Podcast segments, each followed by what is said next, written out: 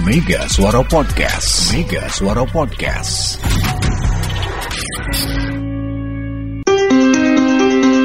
Sesaat lagi kita simak dialog interaktif Info Gunadarma yang disiarkan langsung oleh Mega Suara Bogor, Mega Suara Serang, Mega Suara Sukabumi, Mega Suara Indramayu, Mega Suara Kuningan, Mega Suara Kulon Progo, dan Kota Perak, Yogyakarta.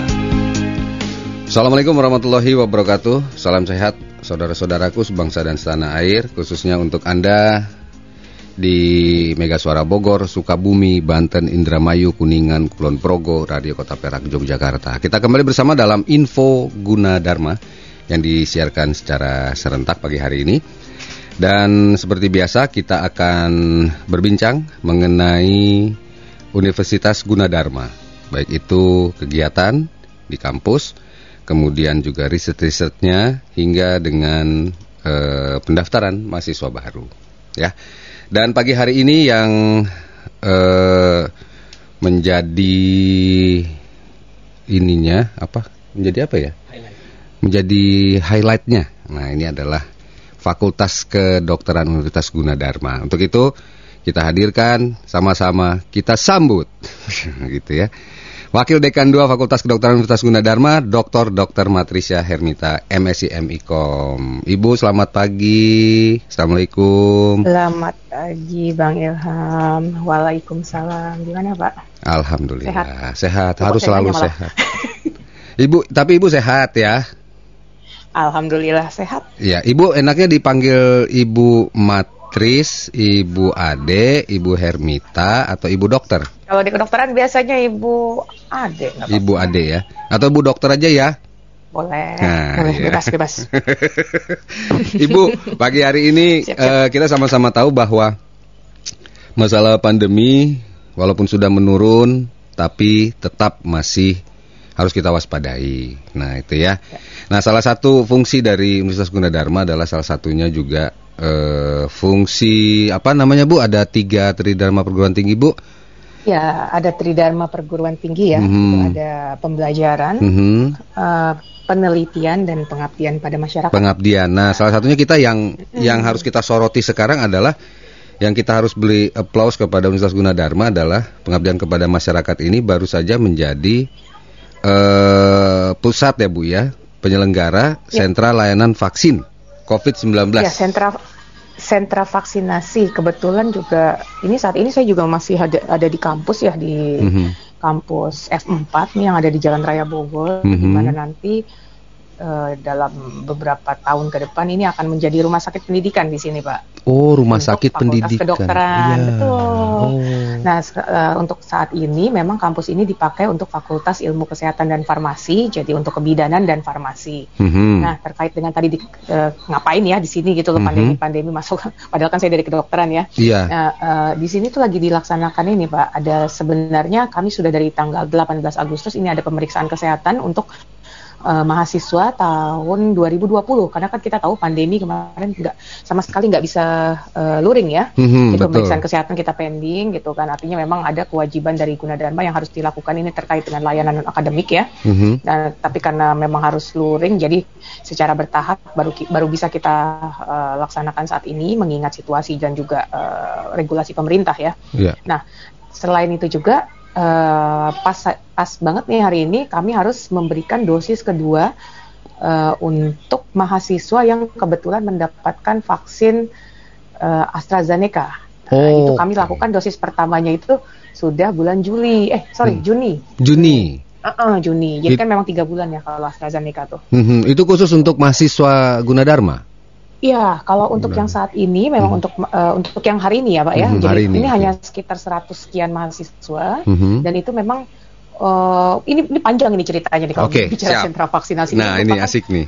eh, eh, bagian akhir dari rangka dari rangkaian tahap satu mungkin ya, atau kita bilang periode pertama untuk eh, vaksinasi di sentra vaksinasi Universitas Gunadarma. Jadi Hmm. pada awalnya itu bulan April nih Pak, Mhm. Eh, Bang Ilham, sorry, Iya. opak ya, tetua banget. Ya. Bang Iya Ilham. dok, siap dok. Bang Ilham, eh, jadi pas bulan April itu kebetulan Gunadarma itu ditunjuk untuk eh, menyelenggarakan atau mem- membuka layanan sentra vaksinasi. Ya tentu saja di sini sebagai perpanjangan tangan dari Dinas Kesehatan DKI, gitu kan ya. Betul. Nah, singkat cerita uh, Gunadarma melaksanakan uh, awalnya tuh untuk dosen dulu karena mahasiswa belum tuh kan penduduk 18 tahun ke atas waktu itu belum Yeah. masih sasaran untuk program prioritas pertama pemerintah itu untuk dosen untuk uh, pendidik gitu lah ya Pendidik. nah itu kami laksanakan di akhir April Mhm. saya masih ingat banget itu bulan puasa waktu itu jadi uh, ada sekitar 40 uh, eh, sorry dosen dari 40 dosen dan tenaga kependidikan dari 40 perguruan tinggi yang ada di uh, Jakarta LL di wilayah 3 itu yang uh, vaksinasi dosis pertama di sentra vaksinasi kami kami lakukan di uh, LL Dikti di Cawang. Mhm. Nah ini kalau ada dosis satu kan ka- karena memang kan vaksin kita kan harus dua dosis ya. Mhm. Jadi kami melaksanakan dosis dua untuk uh, bulan berikutnya gitu dengan sasaran yang sama. Dosen. Oh, mm, Jumlahnya berapa waktu dan itu? Orang, dan dok? orang yang sama juga nih, Bang Ilham. Waktu itu berapa dok yang di ini dosennya? Pokoknya waktu itu total sekitarnya? itu sekitar uh, tiga ribuan ya. Tiga ribuan dari 40 perguruan tinggi eh, wilayah sekitar tiga. 40-an. Wih. 42 apa 45. Empat Jadi ribu. memang se- Mm-mm. uh-uh. Dokter ikut nyuntik. saya mah yang megang hati aja lah keliling-keliling. Intinya. Ya itu, itu. Nah, ini pertanyaan bagus juga nih, menarik juga nih. Apakah saya ikut penyuntik? Nah, ini dia dalam pelaksanaannya kita kan harus mematuhi beberapa hal yang eh, menjadi eh, apa ya, menjadi eh, petunjuk eh, menjadi requirement ya atau mandatory menjadi keharusan Mhm. dari petunjuk teknis untuk pelaksanaan vaksinasi. Salah satunya adalah harus bersertifikasi segala macam. Oke. Kebetulan waktu itu memang eh, kita mengakselerate eh, kita apa namanya eh, bekerja sama ya kolaborasi antara beberapa banyak fakultas yang ada di Gunadarma. Mhm. Ya ada komputer tentu saja. Kenapa? Karena kami pakai aplikasi ini yang bikin eh, al- eh, pelayanan di kami ini seamless tanpa dan paperless. Hmm. Jadi jadi kita daftar dulu. Jadi nggak ya itu lagi karena terkait dengan ketersediaan vaksin yang nggak yang yang memang masih terbatas saat Waktu itu, jadi itu, tidak iya. kita tidak membuka untuk umum. Mhm. Jadi memang yang hanya terdaftar di sentra vaksin itu yang bisa yang bisa vaksin gitu kan. Mhm. Iya. Sama ke ke depannya juga seperti itu sih. Cuma eh, dalam beberapa pelayanan kemarin eh, karena dari puskesmasnya juga minta bahwa kami bisa untuk masyarakat umum, akhirnya kami membuka untuk masyarakat umum. Mhm. Nah, tapi demikian eh, untuk yang terdaftar itu kita minta mereka untuk mengisi yang kita sebut kartu kendali, Pak. Kartu Oh, kendali itu iya, kan kayak betul. screening awal ya. Ya. Kayak screening awal. Nah, itu kami kami bikin dalam format digital dan di situ langsung bisa keluar e-tiket kalau memang orang tersebut bisa divaksin saat pelayanan eh, pelayanan vaksinasi kami. Mhm. Em, bisa divaksin artinya apa? Misalnya dia bukan penyintas yang kurang dari tiga bulan, misalnya dia bukan eh, hamil. Kalau dulu hamil masih dini ya, Mhm. eh, masih di apa namanya, masih diberikan, masih belum boleh gitu. Ataukah dia ada kelainan-kelainan lain yang memang perlu secara langsung kita kon- eh, konfirmasi di lapangan gitu Pak. Mhm. Nah itu berdasarkan petunjuk teknis mereka dapat e-ticket datang. Nah itu dari dari eh, aplikasi yang aplikasi yang bikin itu teman-teman dari eh, komputer ya dari Iya. informatika. Nah ini kerjasama juga di kedokteran. Kedokteran sebagai apa? Dokter yang screening gitu. Nah dokter yang, Hmm. yang melakukan screening yang bilang bahwa orang ini boleh disuntik atau tidak itu adalah yang memang masih eh, memiliki STR. Hmm, Oke, tersaringlah waktu Dan itu empat ribuan ya. dosen dan tenaga Betul. pendidik empat ribuan. Itu dalam Ya, eh, dan- waktu berapa lama itu empat ribu dok? Dua kali empat ribu itu 10 hari ya kalau nggak salah Sep- ya. Wih, nggak pulang-pulang ya? Tak tak tak pulang. Tak eh enggak pulang lah. pulang. Pulang kan, Oh, kan pulang, oke. pagi sore ya, sampai Oh, iya, jam iya. 8 sampai jam 3. Iya iya iya. Nah itu setelah eh, bagi tenaga eh, dosen dan pendidik, setelah itu baru eh, lari ke mahasiswa. Belum, Belum. belum, mahasiswa ternyata karena kami punya MOU dengan eh, Asosiasi Asuransi Umum Indonesia. Oke. Ya kebetulan direkturnya itu juga eh, tahu bagaimana kinerja kami dalam melaksanakan sentra vaksinasi. Akhirnya menawarkan boleh nggak kalau misalnya kita minta bantuan dari Gunadarma Hmm. berdasarkan MOU untuk melaksanakan sentra vaksinasi di masyarakat asuransi umum. Nah itu Hmm. juga kami lakukan di eh, pasar festival di Oh. Gor Sumantri Brojonegoro di Mm-mm. Kuningan. Itu 10 hari juga Pak Ilham. Mhm. Bang Ilham itu sekitar lima ribuan. Lima ribuan, khusus untuk eh, para pelaku masyarakat asura- Ya, asosiasi asuransi asuransi. umum ya. dan juga masyarakat sekitar situ. Oh ada juga Jadi, boleh ikut. ka- daerah Setiabudi ada ada Oke, banyak. daerah Setiabudi itu sekitar lima ribuan. Wih Mm-mm. banyak ya. Itu dilaksanakan pada bulan eh, setelah Ju- eh, Juni sampai Juli. Juni. sampai pokoknya sebelum ppkm pas Oh. banget itu. Waduh itu luar biasa, luar biasa artinya apa yang kami lakukan juga saya juga secara khusus saya mungkin mengapresiasi teman-teman di lapangan ya, teman-teman dari uh, kedokteran, kebidanan, farmasi juga, Mhm. dan juga teman-teman IT untuk masalah pengisian data ya. Mhm. Karena kan kami berhadapan langsung dengan masyarakat yang kita tidak tahu apakah mereka itu OTG atau tidak. Nah, Gitu itu yang Dalam- jadi kendala. Dalam, dalam situasi tersebut, Pak, Mhm. itu aduh eh, sempat banyak tim kami yang terpapar. Oh. Oke, oke, oke. Mungkin ada 20, Pak. Sekitar 20 dari total berapa? Kurang lebih.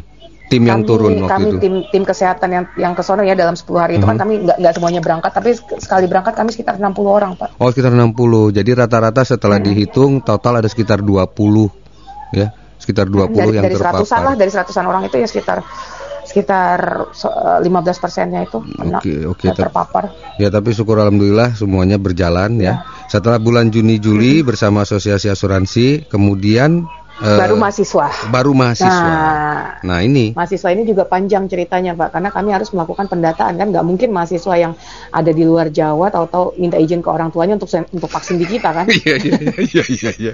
Kejauhan deh panjang gitu dan ya. akhirnya kami berhasil melaksanakannya ada sekitar eh, dan agak terbatas juga ya Pak ya maksudnya Mhm. kita melihat situasinya dan saat itu saat PPKM dan bareng ujian Pak jadi sehari itu hanya sekitar 500 yang kuota yang kami berikan kami melakukan selama sem- ya sama lah kurang lebih 8 hari Mhm. 8 Dan kali itu 5 ada 4 sekitar uh, 4 ribuan ya? 8 kali 3.000 5 sekian Pak nggak nggak penuh uh. Ya, ya pokoknya sekitar 4 ribuan ya. Ya, taruhlah sekitar 12 ribu lah jadi total 4 12 ribuan 12 ribuan. Jadi sejak April sudah 12 ribu.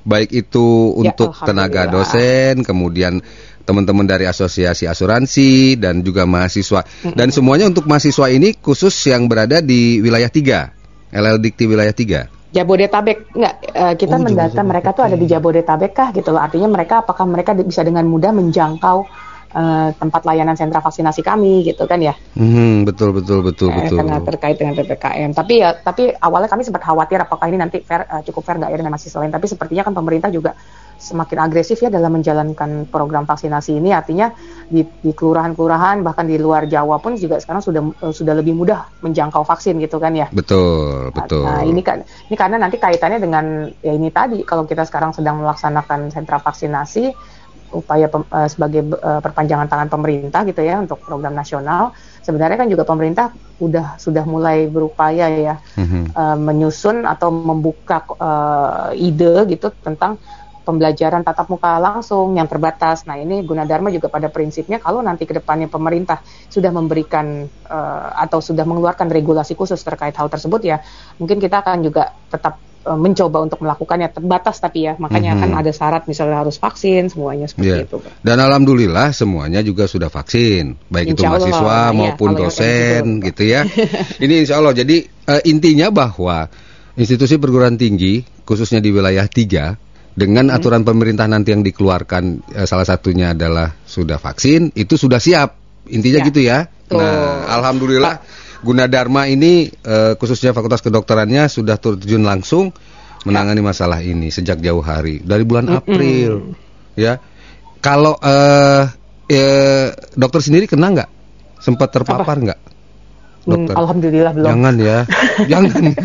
jangan, jangan gitu jangan ya. jangan. Jangan. Nggak bisa ngapa-ngapain nanti. Eh, eh, tapi kan memang dari situ dari 60-an ada sekitar 20-an yang kena, kita juga Ya. ikut prihatin, tapi semuanya sudah sehat ya sekarang ya. Alhamdulillah karena karena rata-rata teman-teman itu kan juga sudah disuntik ya Pak ya sudah vaksin. Jadi memang vaksin Mhm. itu tidak menjamin.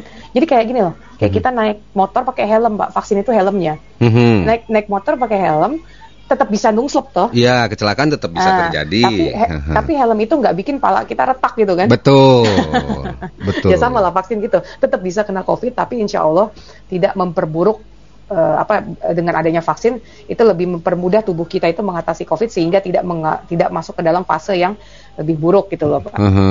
Jadi inilah yang yang harus kita edukasi kepada masyarakat Iya, bahwasannya masih banyak kan masyarakat yang bilang wah jangan divaksin orang vaksin aja masih kena kok gitu kan. Iya, padahal bukan nggak kayak gitu. Bukan seperti itu.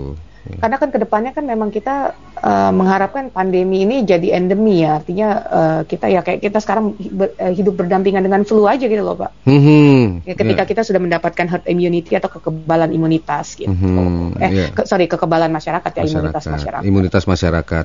Mudah-mudahan semuanya juga pada sadar gitu kan masih iya, banyak soalnya di Bogor juga masih banyak. Kapan mau ke Bogor? Iya saya Guna sudah Dharma. mau jajan itu di depan Mega Suara. Ih bukan, bukan itu dok. Maksudnya oh, gitu, nyuntik di Bogor, nyuntik di Bogor. kalau kayak gitu oh, bisa iya. tapi bisa ya dok. Artinya teman-teman Guna Dharma ketika mungkin iya, ada iya. ada yang minta kerjasama gitu kan, boleh ya? Iya. Iya pada prinsipnya kan ini kembali lagi ya Pak di, mm -hmm. Dharma itu kan ya ada uh, ini kan termasuk yang uh, pengabdian pada masyarakat ya. Belum hmm. nanti ini satu segmen aja kita pengab, ngomong pengabdian pada masyarakat nih, belum riset, belum pembelajaran ya. Yeah. Artinya pada prinsipnya selama itu memang bisa dilakukan oleh kami gitu ya dan hmm. uh, resources kami juga karena karena kan kami juga punya tanggung jawab lain misalnya pembelajaran artinya kami harus mempersiapkan bagaimana nanti pembelajaran tatap muka yeah. uh, luring secara terbatas. Nah ini apakah uh, bisa gitu loh dengan SDM dan uh, apa yang kami punya gitu kan. Mm-hmm. Kalau memang bisa ya why not? Biasanya sih seperti itu, Pak. Iya, iya, iya. Oke, mudah-mudahan nanti mungkin ada yang mendengar siapa tahu ya, teman-teman di mm-hmm. Jogja, di Kul Kulon Progo, Kuningan, Indramayu, Banten, Sukabumi, mungkin yang mau mendengar silakan hubungi Mega Suara, saya jadi biongnya bolehlah. kan, eh, dok itu kan gratis ya? Vaksinasi ya. itu gratis kan? Gratis gratis karena kan memang sebenarnya gini uh, Bang Ilham, ya. kan pemerintah pemerintah pusat nanti mm -hmm. turun ke uh, ke apa namanya Kementerian Kesehatan. Kementerian Kesehatan punya kaki di daerah yang kita sebut sebagai Dinkes, Dinas Kesehatan kan? Betul, provinsi. Betul. Nah, Dinkes Dinkes provinsi nanti akan turun ke puskesmas puskesmas nih dalam artian kabupaten lalu kecamatan. Mm -hmm. Nah, puskesmas kecamatan kan uh, rasionya terhadap penduduk kan nggak banyak gitu loh. Maksudnya ketersediaan uh, sarana prasarana juga, terus juga orangnya. Mm-hmm. Nah itu.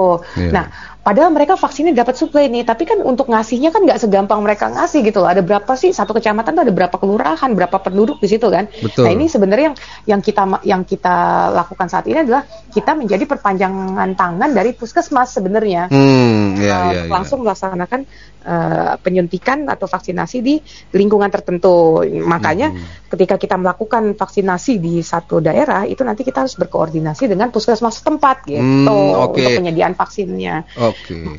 Makanya nggak bisa milih mau vaksin apa vaksin apa yang enggak tergantung di situ adanya apa nah gitu dan kita juga nggak bisa milih. iya ya, yang ada yang tersedia dari pemerintah aja udah gitu kan.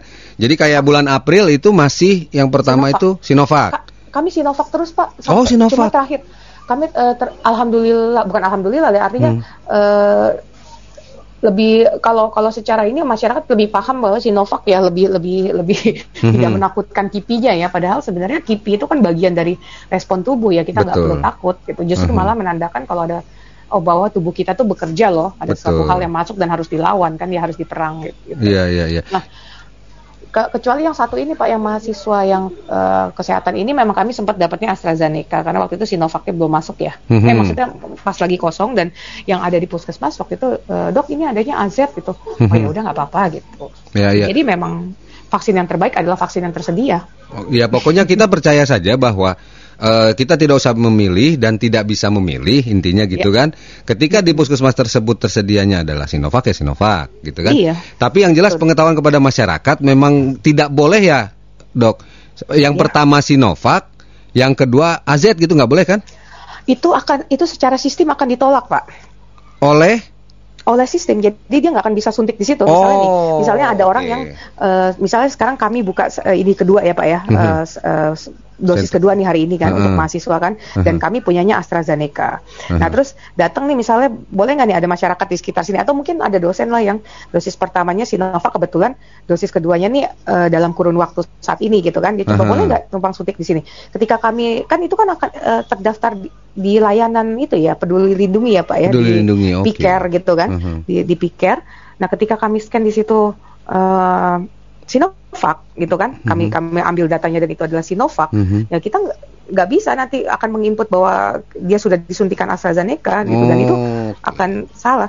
Nah itu juga kenapa uh, ini salah satu challenge ya, salah satu tantangan di vaksinasi itu uh, di pelayanan sentra vaksinasi nggak hanya sekedar nyuntikin pak, jadi kami mm -hmm. harus mengkonfirmasi data dari sasaran kami dan ini harus terdaftar karena kalau enggak nanti nggak dapat sertifikat. Belum lagi kalau kita tanya nomor telepon yang bisa diakses yang mana yang bisa buat nerima Mhm. eh, SMS ya, karena kan peduli lindungi dari SMS. SMS tuh. Nah, biasanya tuh kalau mahasiswa kan nomor SMS dengan nomor chat beda kan? Dia kasih nomor chat, arti akhirnya Iya, iya. dia nggak mendapatkan SMS. Nah, ini Mhm. problem lagi karena sekarang hampir semua eh, pusat apa namanya fasilitas masyarakat itu kan memerlukan bukti sertifikat vaksinasi ya. Betul, betul. Jadi belum usai juga sampai saat ini apa yang dilakukan oleh teman-teman di Universitas Gunadarma Fakultas Kedokteran. eh masih ada juga yang nanya masalah kok saya belum keluar sertifikatnya. Iya, aduh gitu itu ya. banyak itu pak. banyak ya, banyak ya, masih terus bekerja teman-teman di sana. Iya, Aduh. dan juga eh, kadang-kadang eh, ada ada beberapa hal yang ya artinya banyak sekali yang bisa menyebabkan kenapa sertifikat itu tidak eh, keluar ya. Ya tadi nomornya tidak sesuai Mhm. ataupun saat retrieve ataupun juga makanya kami juga mengkonfirmasi beberapa kali ini benar nggak nomor telepon yang bisa diakses dan udah benar-benar aja kami input juga masih salah gitu. banyak kayak gitu. Iya, iya, iya, iya, iya. Tapi mudah-mudahan lah bahwa apa yang dilakukan teman-teman Universitas Gunadarma ini barokah intinya Ya. begitu kan? Amin amin. Amin. Mudah-mudahan ini Allah. masih akan terus berlanjut ya. Kita kita apa apresiasi sekali sama teman-teman di Universitas Gunadarma khususnya Fakultas Kedokteran dan yang lain-lain juga karena ada bukan hanya dari kedokteran kan yang bergabung kayak tadi Ya, untuk input itu juga masuk dari teman-teman IT-nya gitu kan. Oke, Iya. baik eh, dokter Ade kita eh, break dulu sebentar nanti kita lanjutkan Ya. kembali ya dok ya. Baik, eh, sahabat Mega Suara eh, di Bogor, Sukabumi, Banten, Indramayu, Kuningan, Kulon Progo, Radio Kota Perak, Yogyakarta. Silakan. Yang mau bertanya juga ada Dr. Dr. Matricia Hernita, MSI MIKOM, Wakil Dekan 2 Fakultas Kedokteran Universitas Gunadarma melalui 0811 1121 1008. Kita kembali lagi dalam Info Gunadarma. Jangan ke mana-mana, info Gunadarma akan kembali setelah beberapa informasi berikut ini.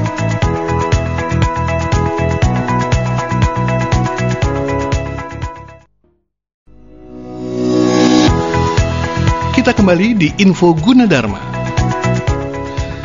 Info Gunadarma disiarkan secara langsung Mega Suara Bogor, Sukabumi, Banten, Indramayu, Kuningan, Kulon Progo dan Radio Kota Perak, Yogyakarta. Kita masih bersama Dr. Dr. Matricia Hermita MSI MIKOM, Wakil Dekan 2 Fakultas Kedokteran Universitas Gunadarma. Dok, masih standby? Ya. Masih standby? Standby. Masih, masih. Aman, standby. aman. Aman Aman. ya. Dok, jadi tadi kita sudah mengenai eh, masalah pengabdian masyarakat yaitu dengan sentra vaksin yang sampai saat ini pun masih berlangsung. Situasi terakhir gimana, Dok di eh, kampus 4 eh apa? F4 F4 gimana?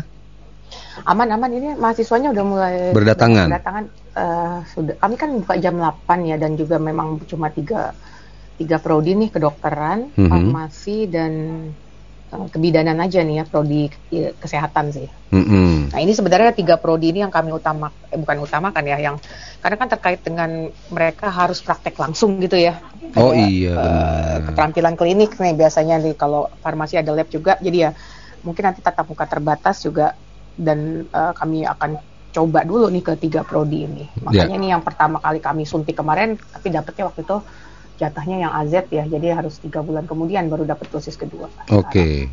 Ya sukses terus ya, Dok untuk eh, sentra vaksinnya ya, Dok ya. Jadi lancar, dilancarkan gitu ya. Nah, Ya. sekarang kita cerita mengenai Fakultas Kedokteran Universitas Gunadarma sendiri, termasuk di antaranya peran lainnya di era pandemi ini. eh, tentu riset-riset ini tetap dibutuhkan, begitu ya, Dok ya. betul Nah, seperti apa sekarang eh, kegiatan eh, research di eh, khususnya Fakultas Kedokteran Gunadarma? fakultas kedokteran ya Ya. ya baik kalau kalau boleh saya cerita sedikit ini fakultas kedokteran kan merupakan fakultas paling buncit ya Paling akhir di Gunadarma. Oh, oh, tapi eh, bukan program studi paling buncit karena setelahnya ada prodi lain tapi dari fakultas yang udah ada gitu. Jadi ada fakultas yang menambah prodinya. Mhm. tapi kalau untuk secara fakultas ini adalah fakultas paling buncit tapi paling eh, apa ya kalau ki- kita bilang nggak nggak nggak fair juga sih kalau bilang effortnya besar tapi artinya penyiapan eh, untuk fakultas kedokteran sendiri ini menjadi lebih luar biasa ya mungkin dibanding eh, persiapan pembukaan eh, fakultas lain karena kami harus koordinasinya ini kan tidak hanya pada dikti saja tapi ada konsil kedokteran nih pak ya Mhm. dan juga eh, pendidikan dokter kan seperti kita ketahui kan masuknya susah keluarnya apalagi gitu ya Iya. betul betul betul.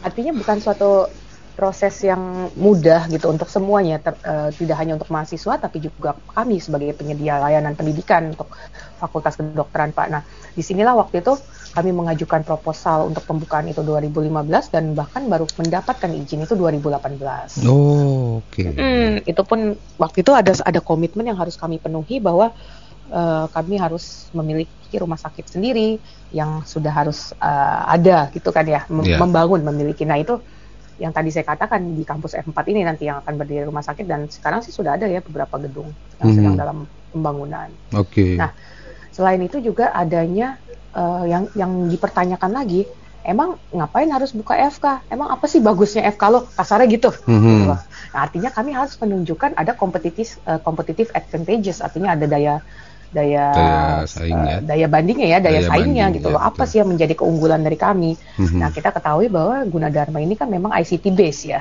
Ya. Artinya kami waktu itu mengajukan konsep informatika kedokteran, Pak. Hmm. Nah, ini yang konsep yang pada akhirnya menjadi keunggulan kami yang pada awalnya itu sejujurnya sempat ditanyakan apa sih orang cuma masalah pakai dokter suruh pakai alat gitu aja ya pakai alat aplikasi apa susahnya masa ya kayak gitu harus jadi keunggulan gitu kan ya Mhm.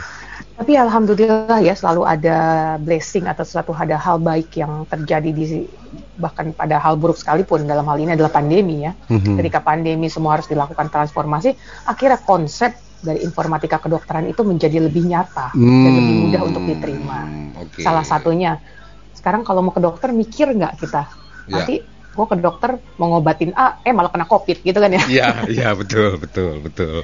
nah akhirnya muncullah lebih lebih lebih lebih lebih apa ya lebih membumi lagi tuh konsep telemedicine Iya.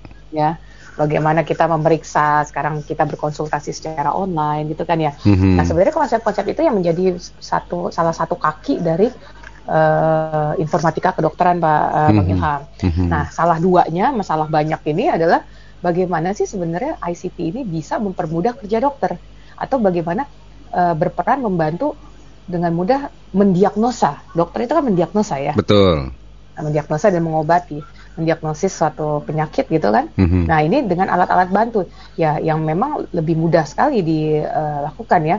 Atau eh, lebih lanjut lagi ya salah tiga nih Mhm. itu kan salah dua. Salah satu, salah dua, sekarang salah tiga, oke. Ada ada alat-alat kesehatan yang bisa dilakukan gitu ya, yang bisa yang sorry yang bisa bekerja dengan lebih canggih dengan dengan sistem yang lebih robust gitu, lebih lebih ajak ya, Mhm. lebih reliable dan itu mudah dioperasikan gitu dan itu dikembangkan oleh eh, dengan berdasarkan konsep tersebut akhirnya kami mengembangkan keluarga robo sih sebenarnya ini Hmm, penelitiannya kan. iya, Nah, betul. Ini Bang Ilham juga pasti paham lah keluarga robo tuh ada Betul. kenapa keluarga yang awal awalnya tuh awal dari pandemi ya Pak ya Iya. ini eh ya gimana dari sebenarnya dari dari saya masuk ke Gunadarma pun saya juga sempat saya sama lah dengan eh, yang waktu itu mempertanyakan apa sih informatika kedokteran dia namanya dokter ya dia harus memeriksa dengan ininya keilmuannya dia gitu tapi Betul. ternyata makin ke sini oh enggak kok ini tidak menggantikan fungsi dokter informatika kedokteran tapi mempermudah kerja dokter Mhm. Artinya dengan kita punya set data banyak terus kita kita ambil benang merahnya dari situ buat untuk merekomendasikan oh ternyata kalau misalnya seorang punya gejala ini ini ini ini ditambah foto ronsen yang seperti ini maka kemungkinan dia penyakitnya A gitu. Hmm, Nah, oke, oke. Tapi kan kesimpulan itu kan atas eh, judgement atau penilaian dari dokter juga gitu kan ya. betul. Nah. Nah, jadi kan di situ tidak menggantikan fungsi dokter dan mana eh, ketika alat tersebut misalnya digunakan, oh ini, oh ini kayak gini nih, berarti ini kemungkinan nanti dia saturasinya bisa turun, oh ini saturasi bisa naik, oh mungkin ketika dia kita pakai sensor gitu misalnya di ventilator, terus ternyata di situ eh, ada misalnya oksigen kadar oksigennya menurun, saturasi menurun, si eh, dia akan mengirim sinyal supaya ventilatornya itu bisa memompa dengan lebih proper lagi, dengan lebih sesuai. Nah itu kan sebenarnya hal-hal yang eh, dulu dilakukan secara manual oleh dokter gitu loh. Jadi dokter harus mantengin terus nih di Mhm, ICU kan. Betul. Ini harus ditambah nggak kadar oksigen ya. Sekarang dengan bantuan IT, tentu saja dengan supervisi ataupun dengan expertise dari do- seorang dokter. Nah ini eh, menjadikan alat-alat kedokteran itu menjadi lebih mudah eh, bagi dokter, eh, membantu dokter untuk lebih mudah dalam menjalankan profesinya gitu Bang Ilham. bahkan Itu bahkan kan- nakes sendiri bisa menggunakannya set- eh, setahu saya ya dok ya. Jadi Mm-mm. artinya artinya eh, ini eh, mempermudah. Jadi sekali lagi mempermudah apa yang dilakukan. mudah kerja dokter itu dan juga kan memang kita nggak bisa nggak bisa lari dari Mhm. situasi yang kita sebut sekarang sebagai VUCA ini kan ya Iya. atau revolusi industri 4.0 ya di mana eh, bahkan di Jepang pun sudah ada konsep yang masyarakat eh, info- apa namanya society 5.0 ya Mhm. masyarakat 5.0 di mana semuanya itu based on internet based on teknologi Mhm. Nah kan kembali lagi teknologi itu kan dikembangkan untuk memudahkan kehidupan manusia gitu. Oke. Nah di sini eh, kembali lagi nih apa yang dilakukan Gunadarma karena pada awalnya dia kita kami sudah sebenarnya banyak beberapa alat yang sudah kami eh, Gunadarma bikin ya terutama untuk S3 komputer sebelum bahkan sebelum Fakultas Kedokteran berdiri itu Mhm. ada alat-alat bantu eh, berdasarkan ICT ya pakai computer vision misalnya gitu ya terus eh, terus misalnya pakai sensor-sensor gitu kan lain-lain Mhm. yang eh, apa namanya tidak harus yang bersifat image gitu Iya. nah di situ mm, gimana ya pas saat pandemi kita harus wah ini kita kesempatan nih gitu bilang kan ya Mhm. kesempatan nah terus eh, kira kolaborasi tuh kedokteran dengan eh, mesin eh, dengan informatika mesin gitu ya dan Mhm. industri juga karena kan akhirnya pada akhirnya akan menjadi suatu, suatu produk suatu Iya. pipe tersebut ya jadilah pertama waktu itu yang dikembangin robovan ya Ya betul. dari Robo ventilator jadi ambu base jadi kalau mungkin pernah eh, apa ya ada orang tuh kalau yang napasnya dibantu gitu dengan kantong dipijit ya kalau pengalaman saya dulu saat saya masih di rumah sakit gitu ya itu bisa semalam suntuk kami eh, ngem- apa mompa Mompa itu ya. eh, eh, mompa bed tersebut gitu itu kayak Mhm. bola rugby gitu loh pak bolanya Iya, betul. apa, eh, ininya dan itu lumayan effort Effortnya itu bukan secara fisik oke secara fisik iya tapi secara kognitif atau mental proses itu di, di itu kita pikiran kita itu juga capek karena kita harus menghitung Mhm. dan juga kita harus bisa mengatur seberapa keras sih inian kita pompaan kita loh karena nanti Iya. kan terkait dengan jumlah udara yang dimasukkan yang Nah, masuk. dengan betul. dengan dengan yang otomatis ini ini bisa bisa lebih mudah gitu dan sebenarnya sudah ada yang canggih-canggih di ICU tapi itu kan bukan bukan kita nunggu pasien masuk ICU baru itu. Dan juga dengan situasi COVID ternyata itu banyak dibutuhkan. Akhirnya waktu itu kita bikin yang ambubias ventilator. Tapi Mhm. akhirnya berkembang lagi. Ada yang CPAP ada yang HFNC ada robo helm ada robo shield gitu kan ya. Sampai akhirnya ada staff juga kan. Mhm. ada robo yang bisa bagaimana menjadi telepresence gitu loh menggantikan kehadiran kita. Mhm. misalnya dokter nih mau eh, visit atau mau kunjungan ke pasien gitu ya. Mau, Hmm. mau visit pasien ya kita bisa diwakilin oleh robot dan kita bisa melihat situasinya lihat pasien kita bahkan seperti itu Mhm. Ini sangat membantu sekali, terutama di tengah pandemi ini ya. Dan kita tahu bahwa sama-sama tahu setelah mendapatkan hibah juga dari Kemenristek BRIN, itu juga bisa hibah diproduksi ya. dan banyak dan dibagi-bagi ke sejumlah rumah sakit. Bogor dapat loh waktu itu dok, alhamdulillah. ya Depok juga dapat Depok dapat seingat saya ya Iya iya iya. Jadi bahkan ya. rumah sakit itu rumah sakit darurat COVID RSTC atlet dapat Oh atlet juga dapat tuh. dapat dapat saya nganter waktu itu persahabatan juga sebagai pusat paru itu juga dapat Karena memang waktu itu sangat dibutuhkan dan Ya. sampai sempat kekurangan ya. Dan alhamdulillah itu semua sudah selesai diproduksi, kemudian bisa disalurkan ke rumah sakit-rumah sakit Ya, yang dan ketika disalurkan itu kan berarti kan artinya dia sudah memiliki izin edar. Betul. Nah, ini dalam Iya. pengembangan itu kan eh, bagaimana memastikan bahwa memang itu layak digunakan kan. Jangan sampai nanti orang kita maksudnya ventilator orang yang malah keracunan CO2 kan gitu ya. Nah, itu yang harus kami eh, lakukan uji dan itu tidak mudah. Artinya memang dari 9 produk tidak belum belum semuanya itu mendapatkan Mhm. eh, izin edar ya artinya dalam proses tapi memang mostly yang sudah kami eh, berikan dan sudah diproduksi massal ya dalam Mhm. dengan industri ini karena kerjasamanya kerjasama Pentahelix juga akhirnya kan dengan industri dan masyarakat dan media juga Ini kan Betul. salah satu bentuk promosi ya Iya. untuk eh, mempromotkan me- mendisemina- mendiseminasikan nah ini jadi berguna yaitu tadi Pak balik lagi ke masalah tridharma kita belajar di kelas lalu kita melakukan riset riset yang berguna itu dihilira- hilirisasi Mhm. ya kan dan lalu, lalu diimplementasikan untuk kepentingan masyarakat dalam bentuk abdimas nah, itu tridharma Nah, itu semua Tridharma sudah masuk dan dijalankan oleh Universitas Iya, Gunadarma. alhamdulillah. Alhamdulillah. Kita ikut bangga dan apresiasi untuk teman-teman di Gunadarma. Dan eh, sebelum kita lanjutkan ini, dok, ini ada yang bertanya ini. Ini kembali mengenai masalah apa vaksinasi sebenarnya. Ya. Bang Ilham selamat pagi, Bu Dokter selamat pagi. Saya mau nanya dong, kalau orang yang menderita epilepsi atau manula dengan hipertensi, apa boleh divaksin? Kalau tidak, gimana ya? Kan sekarang ini program pemerintah adalah memberantas corona. Terima kasih Bu Dokter, Bang Ilham. Yap. Nah, gimana? Ya, pada prinsipnya, nah ini juga menarik nih Bang Ilham. Di satu sisi ketika kami ada jeda melaksanakan vaksinasi, kami ter, kami tidak bisa berpedoman pada satu peraturan. Artinya uh, peraturan uh, peraturan itu juga uh, dalam hal ini peraturan yang dibikin oleh Kemenkes ya, itu Mhm. terus diupdate. Mhm. Diupdate itu kan juga artinya hasil uh, mereka berdiskusi, hasil juga dengan uh, keputusan-keputusan ataupun rekomendasi dari uh, misalnya uh, perhimpunan ahli penyakit dalam Indonesia ya, PAPI gitu kan ya. Mhm. Nah, pada prinsipnya sebenarnya semua itu tertuang dalam petunjuk ini petunjuk eh, apa namanya pelaksanaan vaksinasi dan itu terus berubah. Nah, manula eh, dan pada kondisi tertentu di mana dikhawatirkan vaksin bisa memberikan efek terhadap penyakit tersebut gitu ya. Mhm. Kita memerlukan rekomendasi dari dokter yang merawatnya.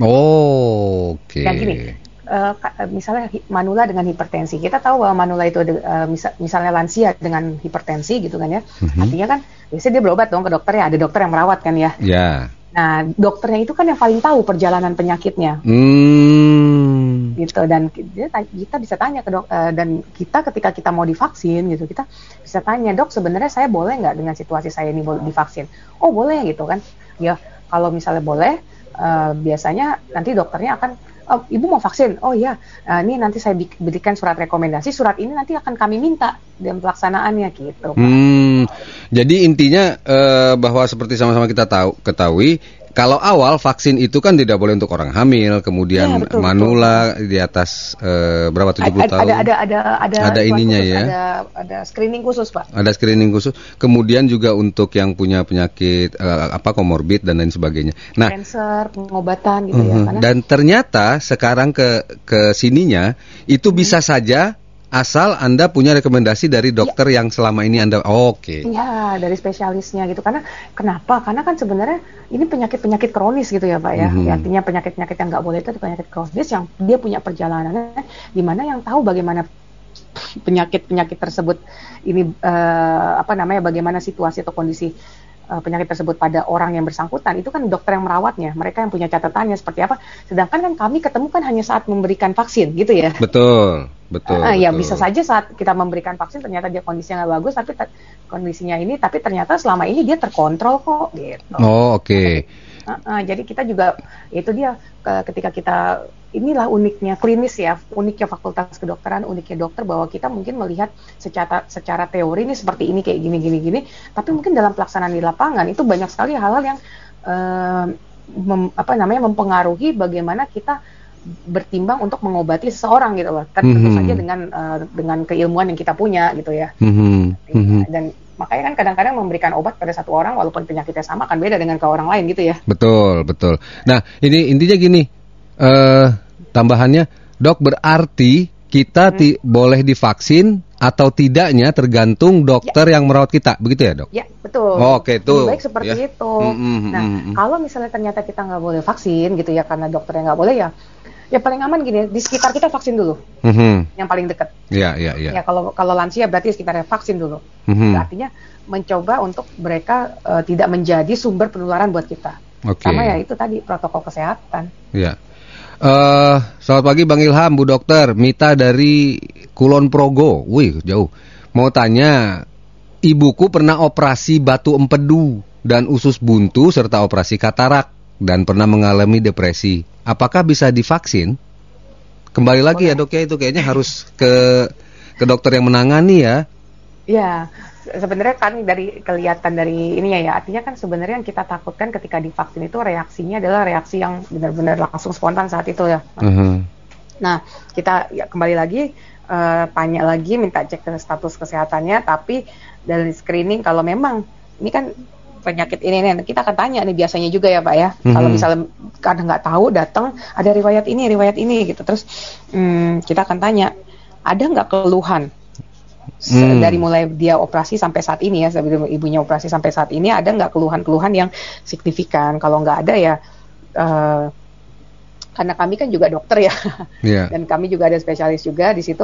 Biasanya juga ada for some case kita bisa memberikan eh, apa namanya eh, vaksinasi tersebut. Oh, oke. Kalau misalnya ketika kami tanya, gitu ya, dia ma- itunya juga ragu, nah kami akan minta dia untuk tanya dulu, berkonsultasi dulu. Kami akan minta medical, eh, bukan medical record ya, rekomendasi dari dokter yang merawatnya. Ya. Jadi sebenarnya eh, di, di apa ya, di dalam pelaksanaan di lapangan itu tidak serigid itu gitu loh, Pak. Mhm, mhm. Jadi memang case by case ya. Case by case ya. Jadi yang jelas bahwa kalau Anda eh, memang punya eh, sesuatu penyakit sebelumnya atau komorbid, coba tanyakan dulu minta rekomendasi dokter Anda. Iya betul Gitu betul. ya. Betul. Dan, dan aman. untuk pasiennya sendiri kan Dan juga jangan jadi alasan Anda tidak divaksin. ya betul. Betul ya, Dok ya? Betul betul. Vaksin harus dilaksanakan. Anda harus divaksin. Ketika Anda Waduh, saya kan punya lambung. Nah, itu kan tetap harus ditanyakan ya, betul. Dok. Ya, semua orang punya lambung. Enggak maksudnya penyakit Iya, benar. lambung, Dok. Dokter mah. Ya jadi gitu. Eh, intinya saya kan punya penyakit lambung, katanya nggak boleh, nggak bo- bukan begitu kan ya Boleh. dok? Eh, eh, Iya, tanya dulu ke gitu. dokter Kan anda. harus tanya. Ketika orang ketika di, lu- eh, di luar medis mungkin berbicara masalah misal tadi punya lambung kan kita tanya apakah itu hanya mah gitu kan ya. Mhm. ataukah itu cancer lambung itu kan akan mendapatkan treatment yang berbeda ya. Kalau cancer ya jelas apalagi ketika dia ada ada ada terapi-terapi misalnya ada kemoterapi atau radioterapi yang harus dilakukan ya itu bisa jadi kontraindikasi untuk vaksin. Tapi kalau yang mah doang ya enggak lah. Makanya kembali lagi eh, walaupun yang ini kembali lagi sebenarnya kepada aplikasi yang kami bikin ya kami kembangkan untuk mempermudah pelaksanaan sentra vaksinasi bahwa apa yang diisikan di situ itu ka- kam- tetap harus kami konfirmasikan pak Hmm, oke. Gitu. Jadi oke. kami harus melakukan anamnesis gitu karena keputusan medis itu tidak hanya bisa berdasarkan eh, ya itu tadi sedikit. Jadi harus digali lebih dalam. Tapi kalau aplikasi digali lebih dalam kan ya pusing juga yang ngisinya ya kan. Nah, itu dia. Udah bisa ngaks ya it- itu kan juga salah satu keterbat salah satu eh, challenge ya tantangan kita dalam Betul. mengimplementasikan eh, teknologi di Indonesia itu adanya digital divide gitu-gitu. Nah, itu kan bagaimana kita membuat yang semudah mungkin tapi kita tetap bisa mendapatkan manfaatnya. Oke, ya itu ya kira-kira ya untuk Ibu Dini dari Kulon Progo. Jadi intinya bahwa semuanya jangan ambil keputusan sendiri, itu ya, benar ya? Ya, kalau kalau mau eh, apa namanya kalau mau lebih nyaman ya lebih enak untuk semuanya apalagi kalau memang udah lansia gitu ya, udah Mhm. ini ya sekalian aja periksa ke dokter dulu minta rekomendasi kan nggak apa-apa toh sekarang dokter juga kan eh, pasti sudah mempraktekkan eh, ini kan ya apa Mhm. namanya eh, protokol kesehatan dengan ketat lah. Betul, betul. Ya. Baik, Dok, kita masih punya iklan, nanti kita lanjutkan kembali perbincangan Siap, siap. kita ya, Dok ya. Baik. Ya. Eh, sahabat Mega Suara Anda yang juga mau bertanya silakan di 0811 1121 1008 info Gunadarma. Jangan ke mana-mana, info Gunadarma akan kembali setelah beberapa informasi berikut ini.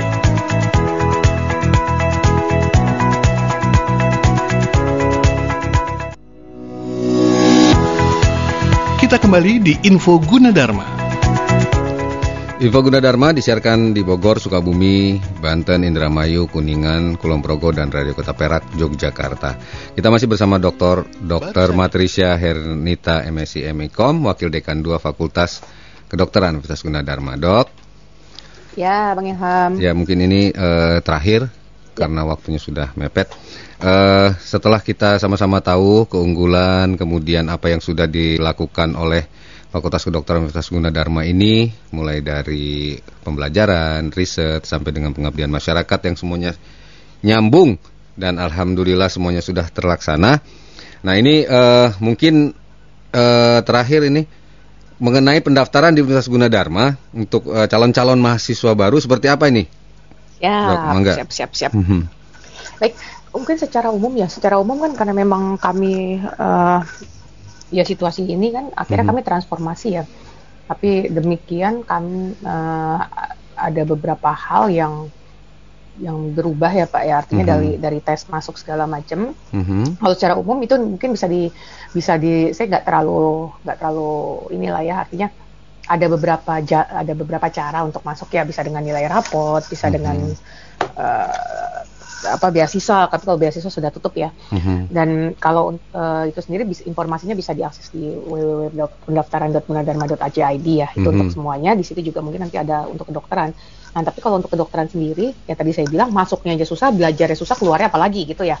Nah, ini uh, kami di sini tesnya agak sedikit beda, Pak, karena kami pertama pasti dari nilai rapot dulu ya, dari nilai rapot dari semester 1 sampai semester 6 karena sekarang sudah keluar ya rapotnya Mhm. dimasukkan untuk mata kuliah eh, untuk mata mata pelajaran tertentu.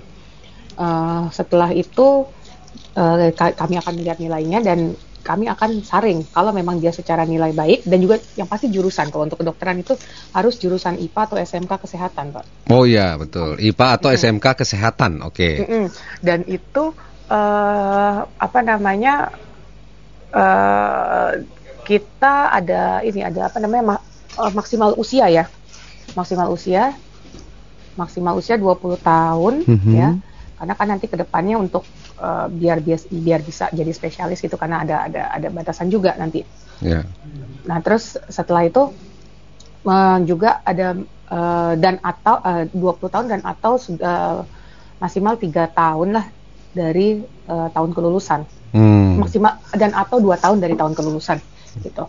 Nah, setelah itu eh, kita akan menyeleksi berkas juga dan nilai kalau memang itu eligible, maka kami akan eh, memberikan ini. Mereka memberikan formulir, memberi, mem- eh, beli daf- beli formulir ya, mendaftar, mendaftar beli formulir Mhm. Lalu juga mereka akan dites nih Pak, tesnya CBT, mata kuliah eh, mata pelajarannya itu biasa IPA ya, biologi, kimia, fisika, lalu matematik ya dan bahasa Indonesia eh, dan bahasa Inggris, sorry.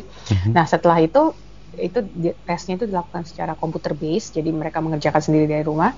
Lalu dapat hasilnya, setelah itu kami akan seleksi lagi. Hmm, Kalau betul. nilainya di atas passing grade, makanya kami akan eh, melakukan wawancara, Pak. baru akan melakukan wawancara. Oke. Nah, wawancaranya ini juga spesial karena sebelum wawancara kami minta mereka untuk bikin esai. Oh. Dan esai ini juga menjadi satu penilaian karena di sini kami menilai integritas, apakah dia kami bilang terserah kamu bikin seperti apa. Dan juga eh, kami menilai apakah eh, banyak mahasiswa yang esainya bagus ketika kami eh, konfirmasi pas saat wawancara ternyata tidak sesuai dan eh, kami coba untuk tracking ya. Mhm. ternyata itu ngambil dari internet gitu. Nah itu kan sebenarnya bukan integritas atau bukan sikap yang kita inginkan dari dari calon dokter ya. Mhm. Akhirnya Ya. kami terpaksa tidak menerima walaupun secara nilai ya sudah sampai ke wawancara ya berarti bagus gitu bisa untuk masuk ke dokter. Hmm, oke oke oke. Jadi gitu ya. Eh, untuk anda yang Pakaiannya. mungkin berminat ya, berminat langsung masuk untuk ke Fakultas Kedokteran ini, silakan sesuai dengan syaratnya. Itu bisa diakses melalui Ada webnya juga Pak di, di Webnya? dari pendaftaran.gunadarma.ac.id nanti ada yang kedokteran atau bisa ke call center kami Pak di 0877 mhm, 8811 9996 0877 8811 mhm, 9996 9996 881 dan juga 9996. dan juga eh, bisa datang langsung sih sebenarnya ke counter pendaftaran ya walaupun kami buka pelayanan secara terbatas di kampus D Depok dan Oh. kedokteran hanya di situ aja pak di Depok pendaftaran Pendaftarannya hanya di Depok. ya Baik, eh, Dr. Matricia Hernita MSc Mekom, terima kasih sudah eh, hadir pagi hari ini di Info Gunadarma. Mudah-mudahan di kesempatan lain kita bisa ngobrol bareng lagi ya, Dok ya. siap Makasih banyak nih, Bang sekali. Wah, Salam sama eh, tena- teman-teman semua di Fakultas Kedokteran Universitas Gunadarma ya. Salut dan Siap. sekali lagi tetap semangat untuk eh, pengabdian kepada masyarakatnya. Begitu ya, Dok Siap. ya. Sekali lagi terima kasih Dokter Matricia. Terima kasih. Assalamualaikum. Terima kasih, Bang. Ya, salam juga buat teman-teman di Mega Suara ya. Ya, Karena siap. Kapan kita ketemu luring. Amin, siap. Ya. Makasih dok. Assalamualaikum. Waalaikumsalam. Ya, eh, demikian sahabat Mega Suara Bogor, Sukabumi, Banten, Indramayu, Kuningan, Kulon Progo, Radio Kota Perak, Yogyakarta. Info Gunadarma untuk hari ini. Pastikan Anda mengikuti kembali Info Gunadarma pada hari Sabtu mulai pukul 9.